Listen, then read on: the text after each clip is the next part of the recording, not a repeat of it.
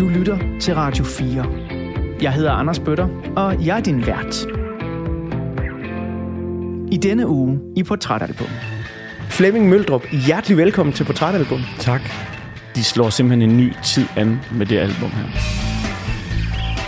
De år, der går fra, hvor jeg tumler rundt der i 89, 87, 88, 89, og ikke rigtig ved, hvad jeg skal, til 91, da albumet kommer, der har jeg skiftet fuldstændig retning i min tilværelse. Og, øh, og, og det har bandet også.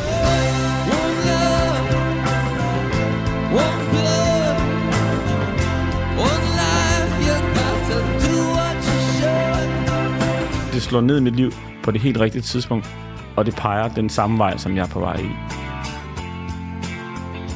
Rigtig hjertelig velkommen indenfor til ugens portrætalbum her på Radio 4. Ugens udsendelse er en af dem, som min lyddesigner Emil Germod og jeg selv har glædet os rigtig, rigtig meget til. Og det har vi, fordi ugens udsendelse handler rigtig, rigtig meget om lyd. Ny lyd. Tidligere her på Portrætalbum, der har jeg beskrevet, hvordan et album kan have helt perfekte åbningssange. Det skete for eksempel, da vi snakkede med Adam Duvo Hall om Prince-albummet Sign of the Times, og der er det her helt fantastiske anslag. Og så skete det også her for nylig, da jeg talte med Mads Steffensen om Bruce Springsteens Born in the USA, som simpelthen åbner med det her gigahit. Det album, vi dykker ned i i den her uge, åbner ikke med et gigahit, men det har alligevel noget nær et perfekt anslag. Det åbner nemlig med en følelse. En programerklæring. Ja, nogle vil måske endda sige en advarsel. For lyden, der rammer en, når man sætter de første sekunder af YouTube-albumet Achtung Baby på, er lyden af et nybrud. Og det er ikke kun på grund af selve sangen, Sue Station, men på grund af en helt ny følelse fra et band, man troede, man kendte så godt. Det er følelsen af et nyt, lovende årti, følelsen af et redefineret band, der skal i gang med at genopfinde sin egen lyd. En lyd, der indeholdt mere forvrænget melankolsk mørke og var mere elektronisk kantet. I den her uge, der er min gæst en mand, der er både empatisk, lun og vidende på tv-skærmen, hvor du sikkert kender ham som livsstilsekspert i DR's flagskib, kender du typen. Men han kan også være skarp og sendudøvende forfatter i bøgerne Slug Kamelen, der kommer flere, som han har skrevet sammen med sin ekskone, og senest bogen om bål. Her i 2022, der turnerer han også landet tyndt med sin faste musikalske talkshowmarker, radioverden Carsten Holm, når de sammen danser, griner og ikke mindst lytter til musik i showet, to mikrofoner og en stak vinyler. Flemming Møldrup, hjertelig velkommen til Portrætalbum. Tak. Fik jeg sådan nogenlunde det hele med der? Du fik i, i hvert fald øh, mig rimelig godt placeret, men jeg, jeg var meget sådan imponeret over din, øh, hvad jeg siger, din placering af Actung Baby. Ja, ja, ja, ja. Bare vent, det bliver endnu vildere. Okay, det var, altså. det var skide, jeg synes jeg faktisk var skide flot og helt utrolig præcist. Jamen tak, tak skal du have. Øh, størstedelen af mine gæster er sådan ret meget i tvivl om, hvilke albums de skal vælge, når jeg ligesom siger, at det skal være et album, der betyder meget. Ja. Øh, for det skal jo ikke være det bedste album. Det er Nej. ikke det her, programmet handler om. Hvorfor tror du helt kort, at det endte med Acton Baby? Jeg tror, at øh, YouTube på en eller anden måde øh, med deres Joshua Tree og, og så efterfølgende Actung Baby får placeret mig i en tid, som er en opbrydningstid. Øh, jeg synes, da Joshua Tree 87 kommer frem, der defilerer jeg ligesom rundt på må og få, har ingen retning overhovedet andet end, at det skal handle om øl, poesi og piger. Ikke? Øh, Den magiske bermuda Ja, præcis. Og i nævnt rækkefølge helst. ja. øhm, og, øhm, og jeg kan huske, at muren falder i 89. Øhm, det kommer vi sikkert til at tale om. Det gør vi, ja. Og YouTube flyver ind i Berlin. Øhm, og starter på at indspille Actung Baby. Og så, da det udkommer, jeg kan ikke huske, er det 91? Det er 91, ja. De år, der går fra, hvor jeg tumler rundt der i 89, 87, 88, 89, og ikke rigtig ved, hvad jeg skal, til 91, da albumet kommer, der har jeg skiftet fuldstændig retning i min tilværelse. Ej, Og, øh, og, og det har bandet også. De slår simpelthen en ny tid an øh, med det album her. Det glæder jeg mig rigtig meget til at høre mere om, ja. Fordi så er det det helt rigtige år, vi har valgt. Øh, I del 2 af ugens udsendelse, som øh, kommer om godt og vel en 45 minutter, så øh, skal vi høre lidt om, hvor du er i dit liv lige nu, mm. og hvorfor du har valgt at sige op. Ja. Ja. kender du typen. Mm. Men her i den første del af ugens portrætalbum, der dvæler vi lidt ved 1991. Der har jeg regnet mig frem til, du er cirka 22 år gammel. Ja.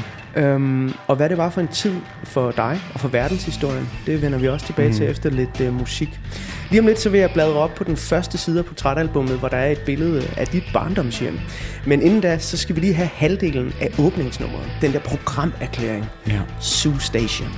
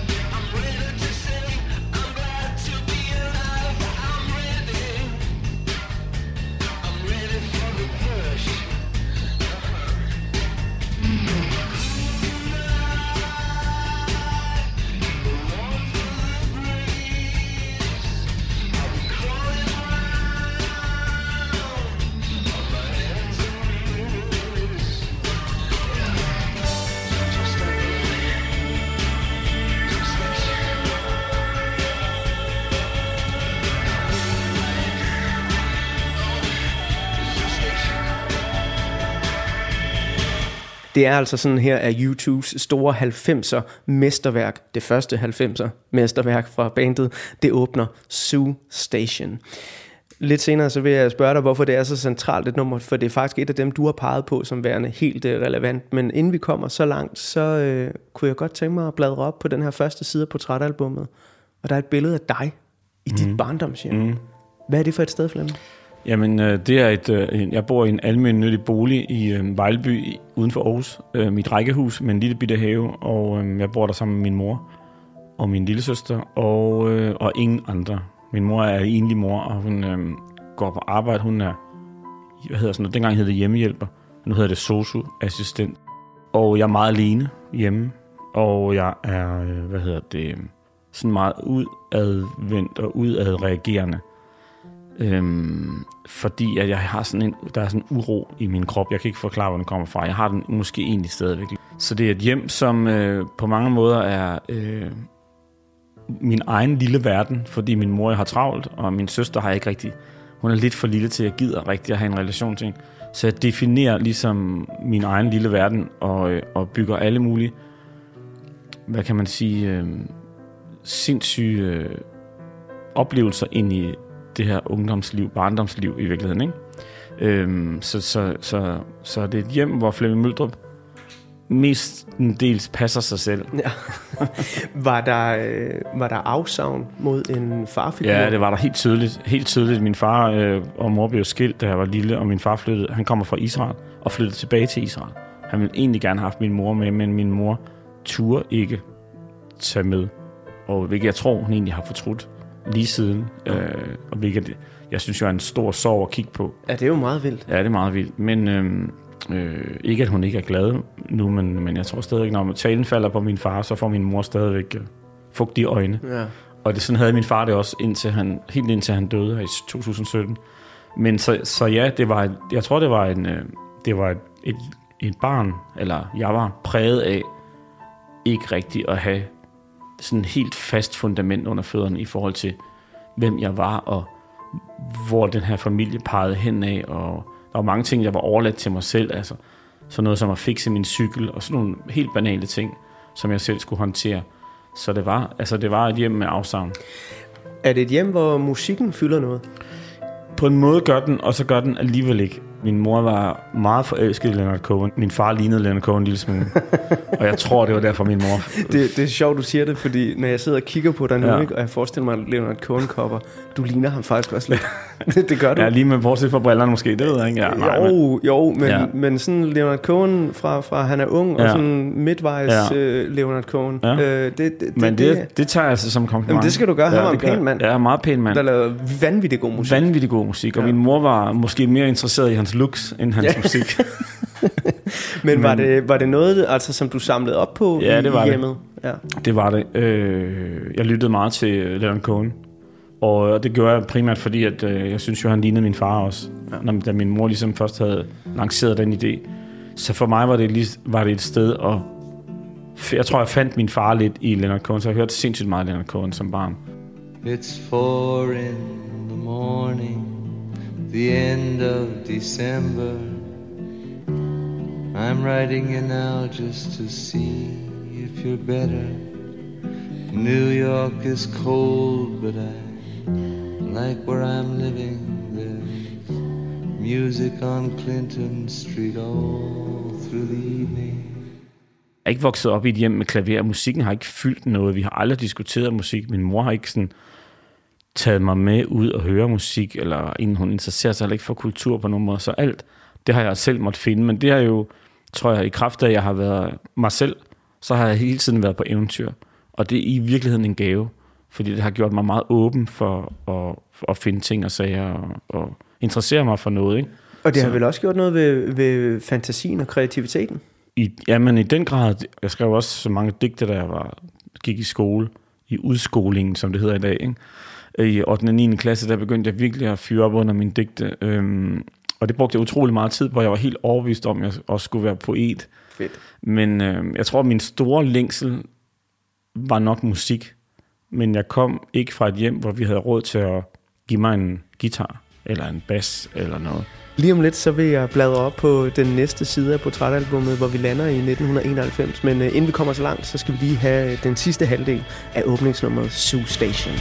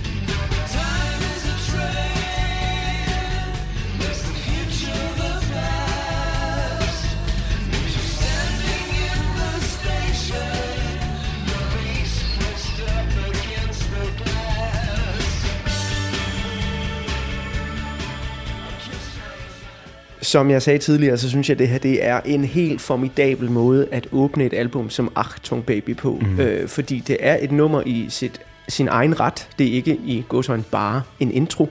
Øh, men den har samtidig også nogle ting, hvor man tænker, jeg kan ikke forestille mig, at det her nummer skulle være andre steder på pladen. Nej. Det er åbningsnummeret. Ja, jeg er enig. Og øh, jeg er ret fascineret af, at du pegede på det som sådan et af de, øh, i hvert fald 3-4 numre, som du bare synes, den er vigtig at snakke om. Fordi der er mange numre på den her plade, som dels siger meget om albummet, men der er også mange hits, sådan Ja. set, som, som jo gik hen og blev de her lidt skæve hits. Ja.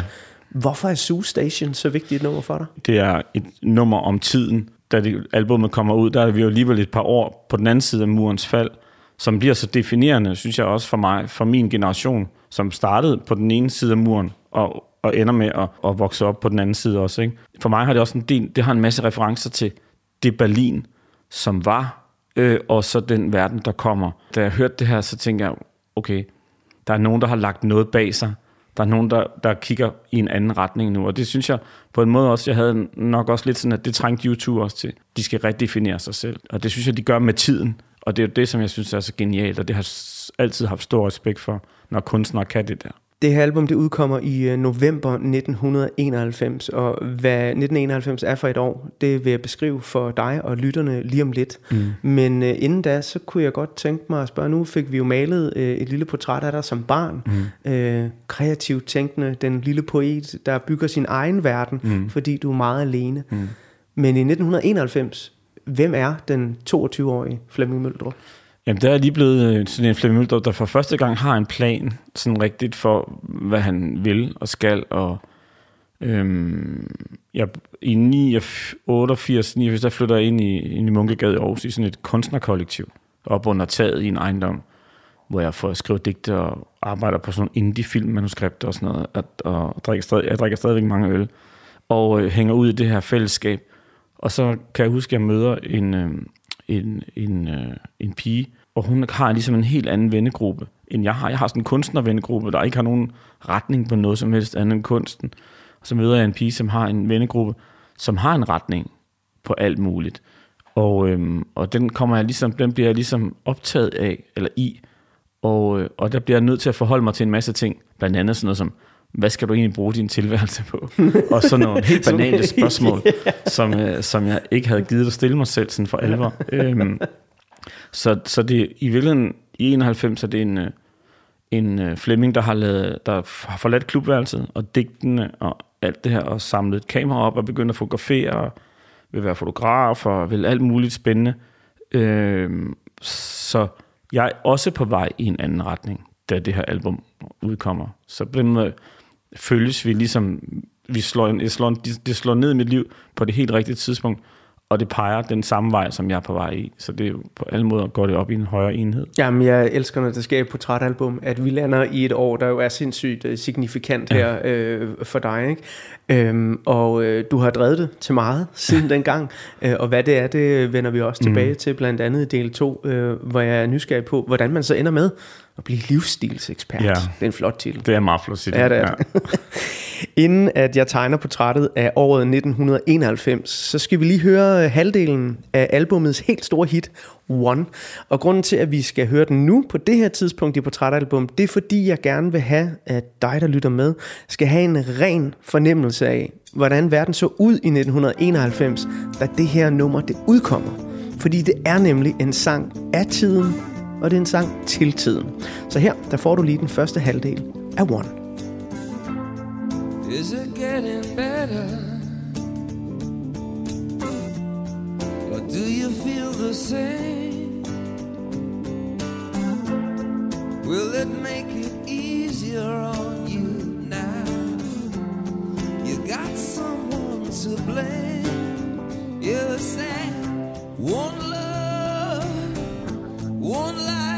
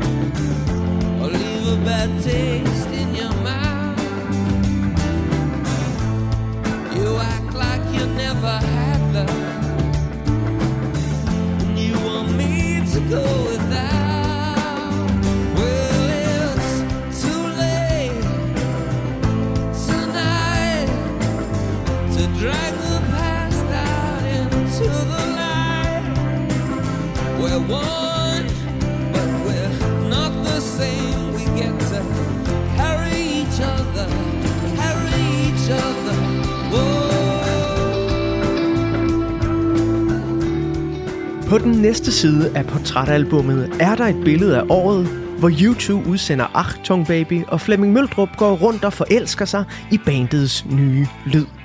Men hvad sker der egentlig rundt omkring i verden i 1991? Hvad er det for en samtid, at YouTube udsender deres moderne mesterværk i? Jo, det skal jeg fortælle dig. Det er en vanvittig vigtig tid. Så hold på alt, hvad du har kært, når jeg nu vil public service servicere dig med et kort oprids af nogle af de vigtigste overskrifter fra 1991. 1991 er først og fremmest et vanvittigt vigtigt år for den moderne europæiske historie. For efter Berlinmurens fald i 1989, så er sammenhængskraften i den tidligere stormagt Sovjetunionen faldet fuldstændig fra hinanden. 1991 bliver således året, hvor en lang række lande, blandt andet Letland, Litauen og Georgien, afholder folkeafstemninger om selvstændighed og løsrivelse fra Sovjetunionen. Og i det nu genforenede Tyskland vedtager parlamentet, at hovedstaden skal flyttes fra Bonn til Berlin. I august sættes den russiske præsident Mikhail Gorbachev i husarrest, efter at han har trukket den russiske socialistiske føderative Sovjetrepublik, eller bare Rusland, ud af Sovjetunionen. Det betyder de facto både, at Sovjetunionen reelt stopper med at eksistere, og at den kolde krig afsluttes. The Soviet people and the rest of the world are fixed on the fact that 74 years after its birth there, communism in the Soviet Union is dying. Samtidig med Sovjetunionens opløsning erklærer Slovenien og Kroatien sig uafhængige af Jugoslavien, som herefter bevæger sig på randen af den borgerkrig, som senere blusser op i lys lue og kommer til at få en meget stor betydning for hele det europæiske kontinent op igennem 1990'erne. Fragile peace in Yugoslavia is more fragile than ever.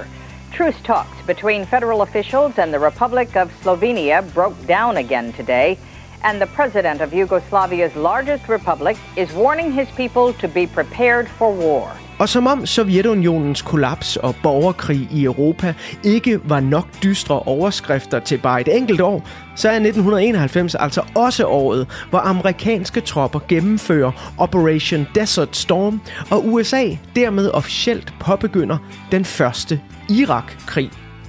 En krig, der ud over de forfærdelige menneskelige tab, også får store konsekvenser for miljøet. Det sker blandt andet, da Iraks diktator Saddam Hussein beordrer, at kæmpe mængder af den olie, der kæmpes om, hældes direkte ud i havet.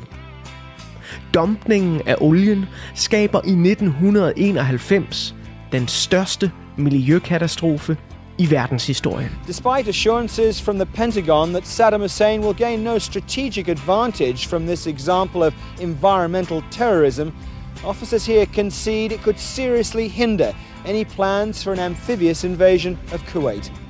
Men det er ikke kun i fjerne lande uden for USA's grænser, at amerikanerne skaber overskrifter. 1991 er nemlig også året, hvor de værste raceuroligheder og gadekampe i nyere tid bryder ud i storbyen Los Angeles. Gnisten, der får urolighederne til at blusse op, er en amatørvideooptagelse, der viser hvide politibetjente gennem banke afroamerikaneren Rodney King. King, a 25 year old construction worker, was stopped by police for speeding. How fast is a matter of dispute. The scene was videotaped by a nearby resident. The pictures tell the story. After first shocking him with a stun gun, three police officers pummeled King, who was unarmed, with their nightsticks, while other officers stood by. King was released from jail with no charges filed against him. I was scared for my life. Og som om, at Rodney King-sagen ikke var makaber nok, så er det også i 1991, at en af verdens uhyggeligste amerikanske seriemordere nogensinde bliver anholdt. Den 22. juli bliver den 31-årige nekrofile kannibal Jeffrey Dahmer arresteret.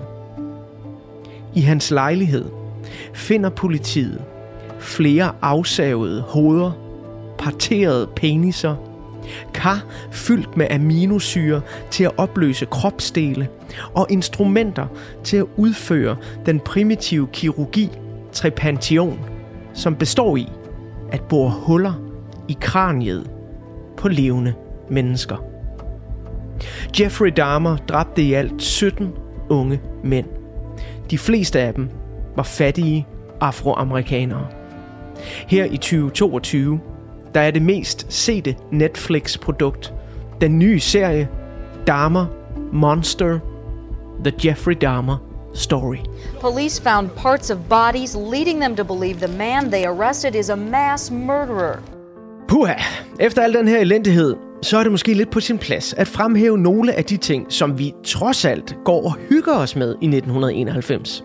Er man interesseret i sport, så er 1991 året, hvor man kan tænde for sit tv og følge med i VM i atletik, hvor den unge amerikanske løber Carl Lewis sætter ny verdensrekord i 100 meter løb med tiden 9,86 sekunder. Inde i biografens mørke, der vil vi i 1991 gerne underholdelse af retfærdighedens helte. Om helten så spilles af tegnefilmsfigurer, robotter eller røvere, det er ikke så vigtigt.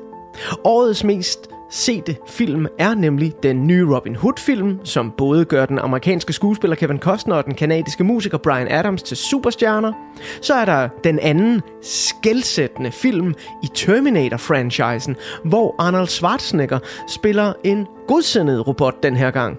Og sidst, men ikke mindst, så er der den moderne Disney-klassiker Skønheden og Udyret, som ikke bare bliver årets mest sete film på verdensplan, men også den mest sete Disney-film nogensinde. He was a lonely beast, cursed by a mysterious spell, and she was the beautiful young girl who could set him and his kingdom free.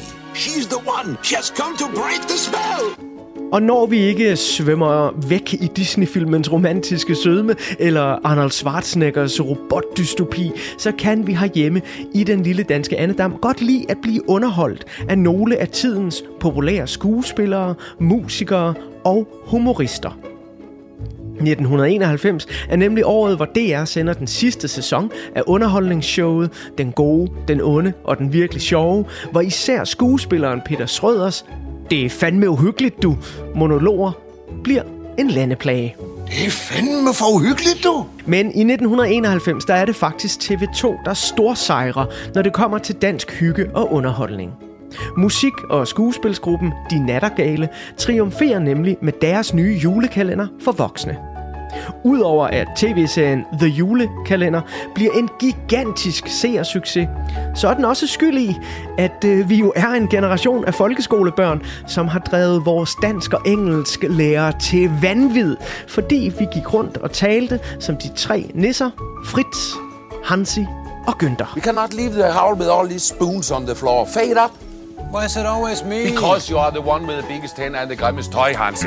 Men er man mere til uhygge foran tv-skærmen, så byder året på et sandt syretrip af en amerikansk morgåde. I sommeren 1991 bliver det nemlig endelig afsløret, hvem der dræbte Laura Palmer.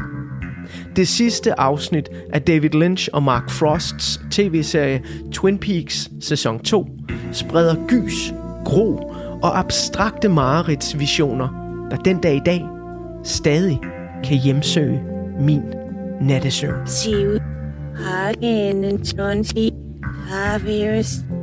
What year is this?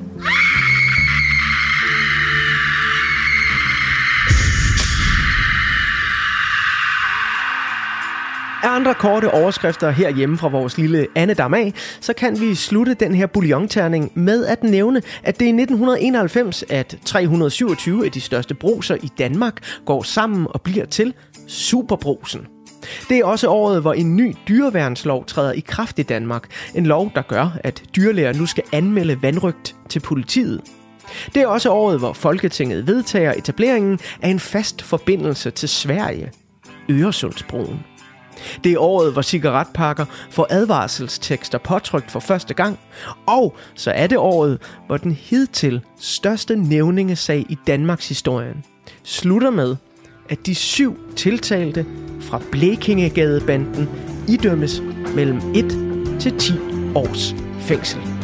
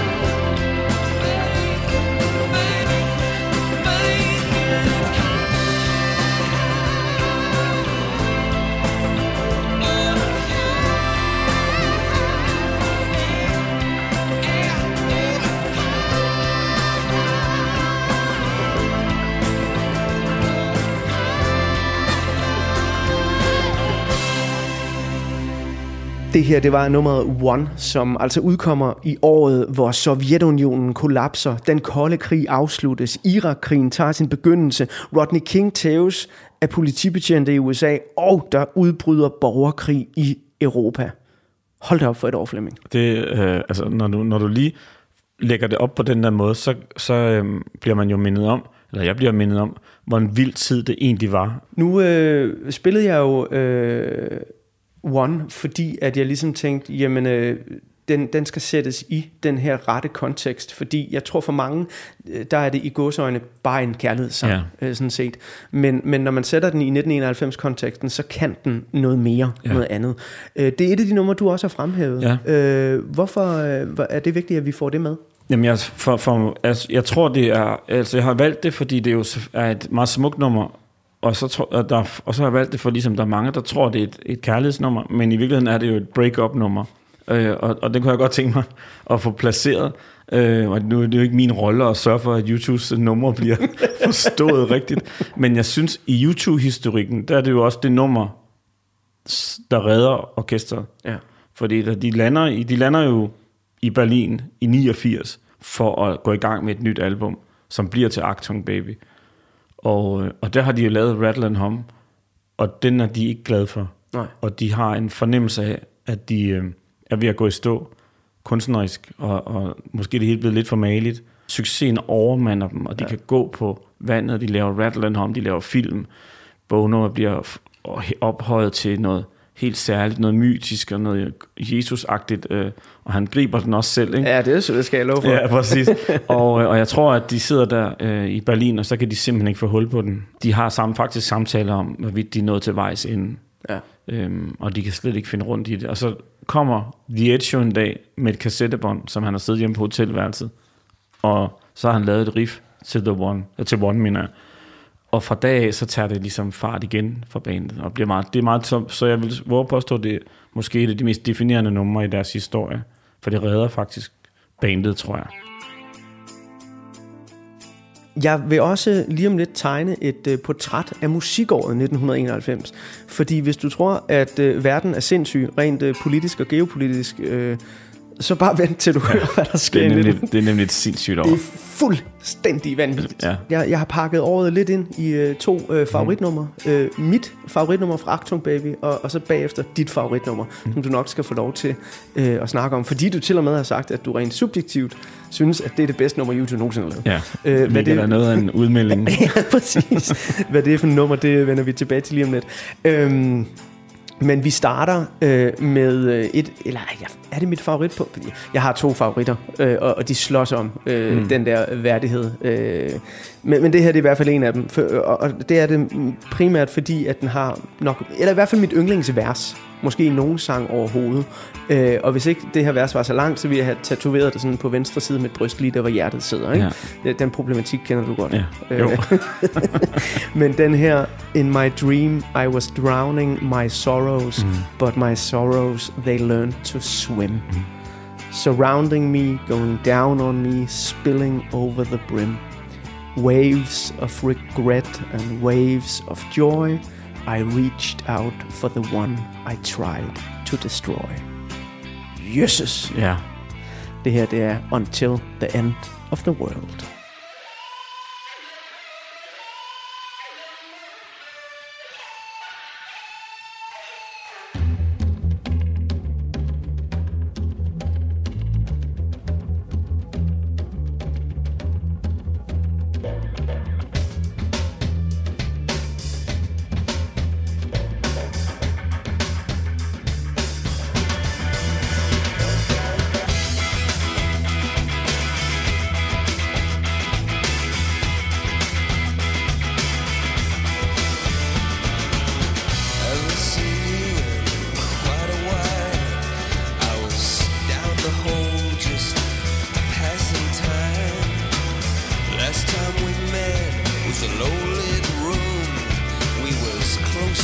others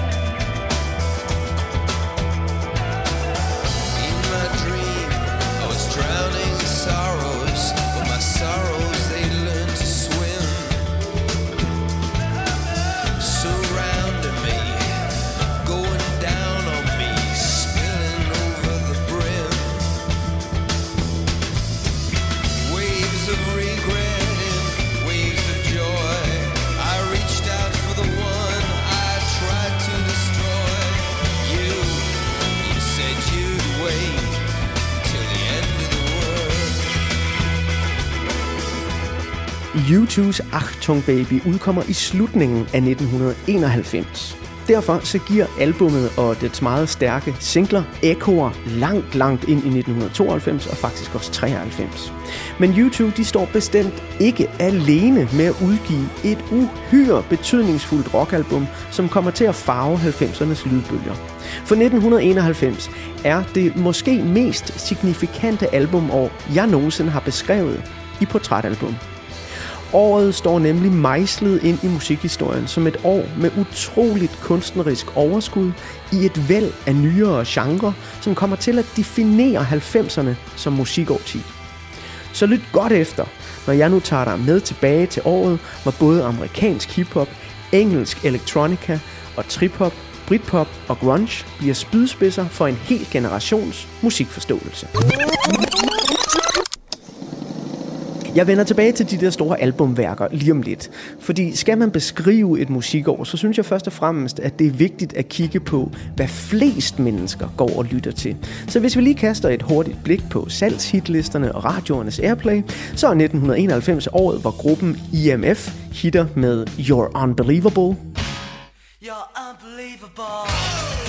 Det er året, hvor Right Set Fred bare er lidt for sexet. I'm too sexy for my love, too sexy for my love, love's going to leave me.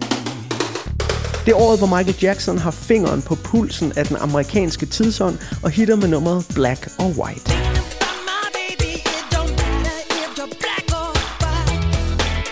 Og så er det også i 1991, at vi mister verdens bedste frontmand, Freddie Mercury, til AIDS. Og hans gruppe Queen genudsender singlestorværket Bohemian Rhapsody, som endnu en gang stryger til tops på hitlister verden over. Den når dog ikke årets suverænt mest populære sang til sokkeholderne. For 1991 er som sagt året, hvor Brian Adams går fra at være en super populær kanadisk rockstjerne til at blive en global superstjerne. Og det sker, da han leverer hitsangen til soundtracket fra den nye Robin Hood-film.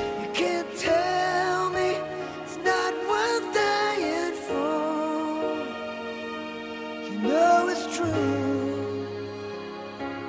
Everything I do, I do it for you. Nå, det var altså så vidt single-hitsene. Nu til det der med alle de store definerende albumværker. Hvis vi starter lidt tæt på hjem, så syder og bobler det i de britiske musikmiljøer, som i 1991 sprudler af selvsikkerhed og lyst til eksperimenter. U2's irske landsmand My Bloody Valentine udgiver hovedværket Loveless.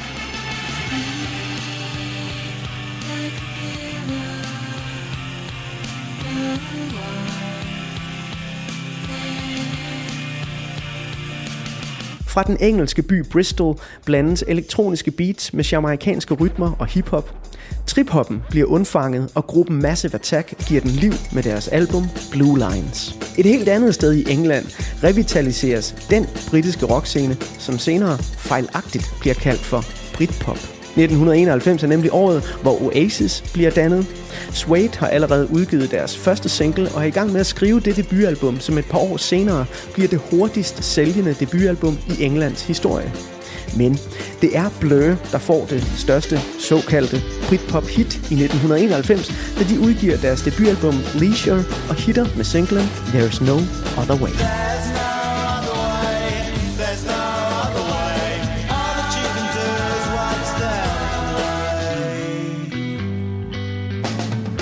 Over på den anden side af Atlanten markerer den amerikanske hiphop sig tungt med vigtige udgivelser fra både Ice-T, A Tribe Called Quest og ikke mindst debutalbums fra både Tupac og Cypress Hill. Men selvom den amerikanske hiphop står stærkt, så går der endnu nogle år før den bliver så generationsdefinerende, som den amerikanske rockmusik gør det i 1991. Musikkanalen MTV er her i dens 10. leveår blevet en af de vigtigste markører for, hvad der rører sig i musikkens undergrund. Og i 1991 får MTV uhyre stor betydning for især amerikansk rock, som brager igennem lydmuren med en melankolsk og dyster lyd, der af medierne over en meget bred kamp til tider defineres som grunge. Og ja, grungen er absolut meget vigtig for 1991. Men jeg synes faktisk, at det er endnu vigtigere at kigge på bredden i den amerikanske rock, og så lige smide mit absolute trumfkort for at forklare, hvor sindssygt et rockår det var. For udover at U2 udgiver Achtung Baby, R.E.M. udgiver Out of Time, Primal Scream udgiver Screamadelica, Smashing Pumpkins album debuterer og Roxette udgiver Joyride, så sker der simpelthen det over i USA, at der på kun 44 dage udgives disse albums, hold nu godt fast, Soundgardens Bad Motorfinger,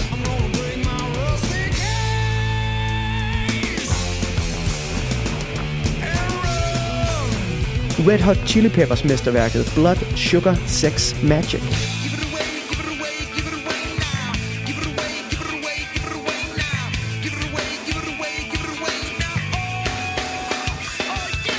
De to kæmpe albums fra Guns N' Roses, Use Your Illusions 1 og 2,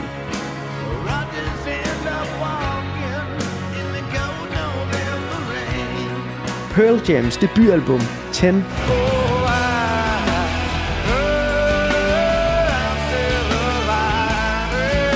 Metallicas redefinerende albumværk The Black Album, som i øvrigt indeholder en af de bedste sælgende singler i musikhistorien, Enter Sandman.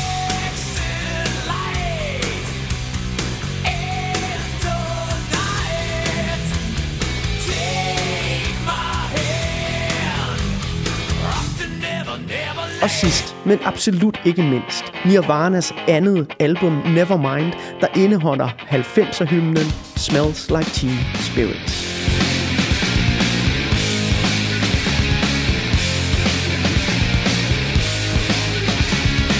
Alle de her albums, de bliver udgivet i USA inden for 44 dage i det samme år. Herhjemme i den lille danske andedam, der er 1991 virkelig også et godt rockår. Så selvom det måske bør nævnes, at Anders Fransen vinder Dansk Melodikompri med nummeret Lige der, hvor hjertet slår, og Cotton Move lægger grundstenen til en ny dansk 90'er pop med hittet Get Serious, så er det både tidens og fremtidens danske rockgrupper, der sætter dagsordenen. Kashmir bliver dannet på en efterskole i 1991, og Dizzy Miss Lizzy bliver nummer 4 til årets DM i rock. DAD forsøger at slå igennem i USA med den hårde og fremragende Whiskin' It All.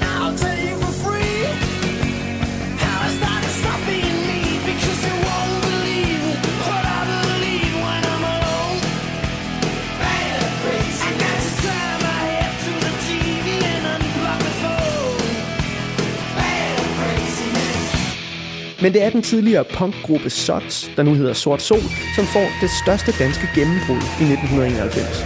Albummet Flow My Fire Tear bliver den helt store vinder til den danske Grammy-uddeling året efter.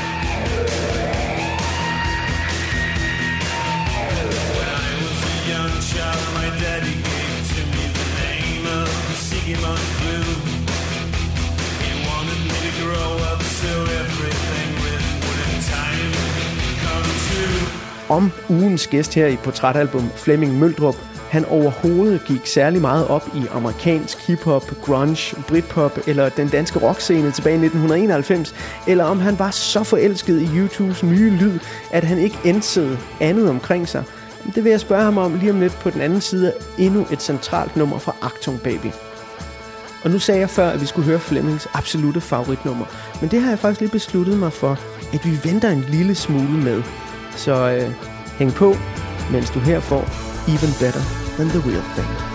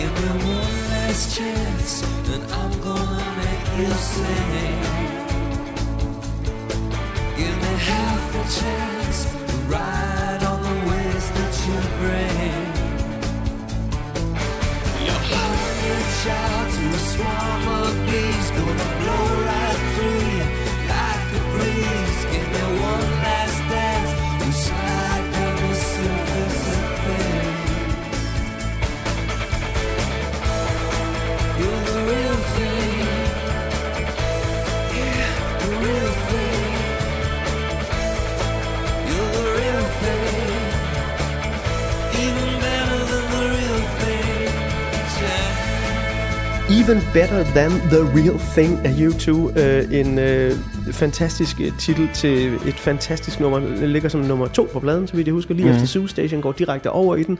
Øhm, og ja, Flemming, ja. du nævnte det lige, mens øh, det blev læst op, og der spillede noget musik her. Øh, vanvittigt år. Ja, fuldstændig vanvittigt. Det er sådan helt skørt, ikke?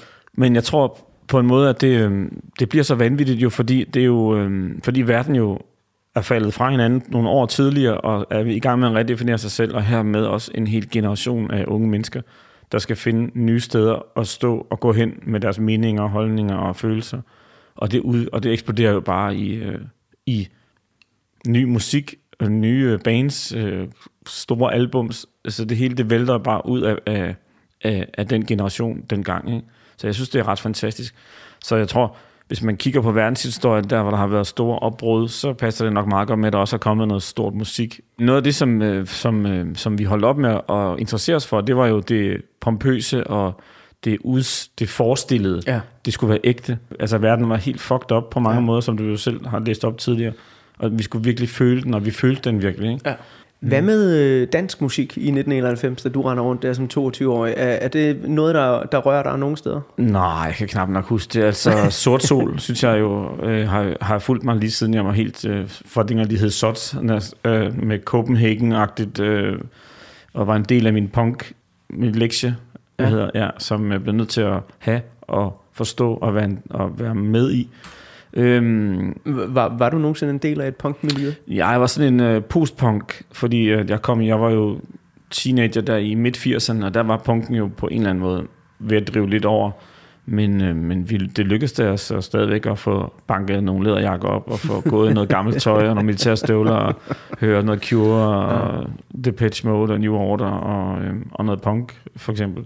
Øhm, og farve lidt hår, og sådan noget, gå med lidt makeup og sådan noget. Så jeg synes, skubbede lidt til, til det hele, men, øh, men ikke decideret punk, det var jeg aldrig enig i. Nu øh, vil jeg øh, til at klappe portrætalbummet i øh, for den her gang, og vi skal øh, høre et nummer, øh, som øh, vi får halvdelen af, indtil jeg så åbner portrætalbummet igen og bladrer op på de næste sider i del 2 af ugens udsendelse, hvor vi skal snakke lidt mere om, jamen, hvor du er i dit liv lige nu. Ja. Øh, for nu har vi jo fået, øh, jeg skulle lige til at sige, det basale på plads. Det var i hvert fald ikke basalt, men i hvert Ja. fald noget af det, der, Mm. der udgjorde dig som menneske øh, Mhm. frem til, øh, til cirka midten af 20'erne. Øhm, vi lukker og slukker den her første del med halvdelen af nummeret Mysterious Ways.